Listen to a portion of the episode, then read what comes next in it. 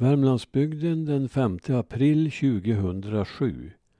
Framsidor, baksidor och mittpunkter. När en landsväg läggs om märker man det. En by kan helt ändra utseende när man plötsligt ser den från ett annat håll. Det som var baksidan blir framsidan och tvärtom. En välplanerad gårdsplan kan slås sönder då en väg får en ny sträckning.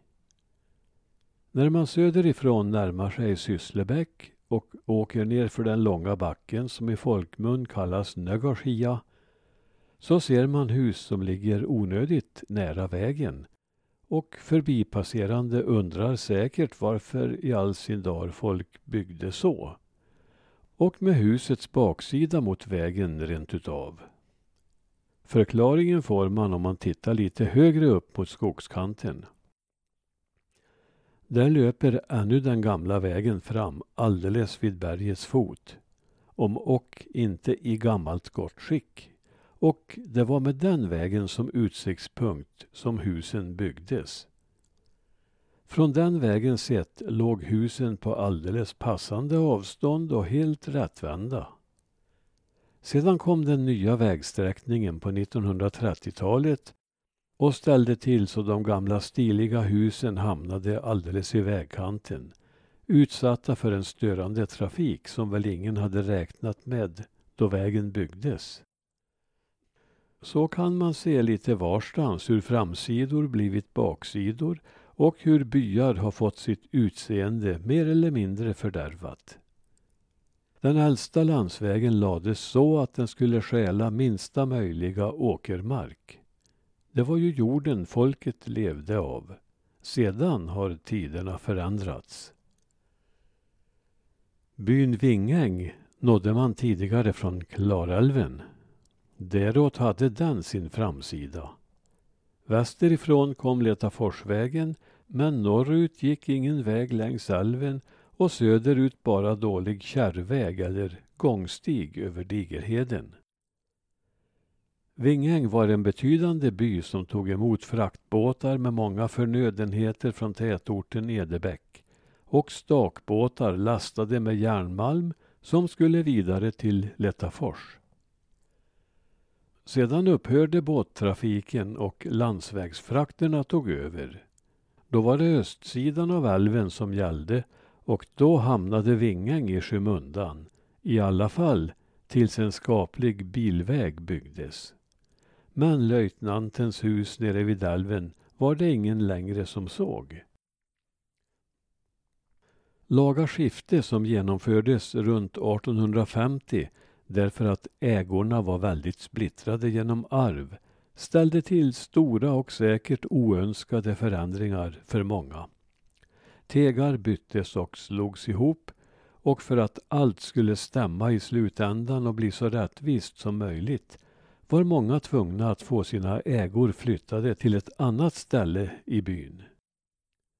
Detta innebar att man fick riva stugan och uthusen och flytta dessa dit som de nya ägorna fanns. Byarna blev mer splittrade och det blev längre till grannarna. En del fick till och med finna sig i att flytta till andra sidan älven för att få någorlunda sammanhängande markområden. Här kan man verkligen tala om en förändring av byarnas utseende. På samma vis som att gårdarnas och byarnas utseende förändras kan en hel bygds utseende bli annorlunda genom att tyngdpunkten förskjuts. Återigen byn Vingäng. Vem kan idag förstå att den en gång var ett centrum i norra Värmland med den första poststationen, med tull och affär, med egen soldat, med bygdens stora profil löjtnant Edgren på Vingäng och med avlastningsplats för båttrafiken. Det järn som skeppades till Vingäng transporterades alltså vidare till den andra av norra Värmlands dåtida centralorter, nämligen Lettafors. Det är svårt att avgöra vad som är mest svårbegripligt, att Vingäng hade den stora betydelsen eller att Lettafors hade det. Bilisten av idag passerar båda orterna på en halv minut och ser bara några få hus. Skulle passageraren råka gäspa eller nysa kanske han missar dem helt. Men annat var det förr. Letafors har stolta traditioner. Byn var säte för Värmlands nordligaste järnbruk och där fanns bruksdisponent, smeder och mängder av arbetare. Trafiken var tät på sträckan Vingäng-Letafors, en av länets starkast trafikerade vägar som delvis är farbar än idag. 136 år efter att järnbruket upphörde med sin verksamhet. Kyrkbyarna var förstås de olika församlingarnas viktigaste orter. Dit förlades gärna handel och andra serviceinrättningar. I nordligaste Värmland var det Höljes, Bograngen och Långav som fick denna betydelse sedan kyrkorna byggts. I synnerhet Långav, som numera felaktigt ofta kallas Dalby efter församlingens namn, blev en centralort att räkna med. Där fanns förutom kyrka och sockenstuga också sjukstuga och apotek. Där fanns också skola och telegrafstation och i södra Persby strax intill inrättades en poststation. Affärer, kiosk och fotograf fanns också. Vad som saknades i Långav var kanske utrymme för expansion.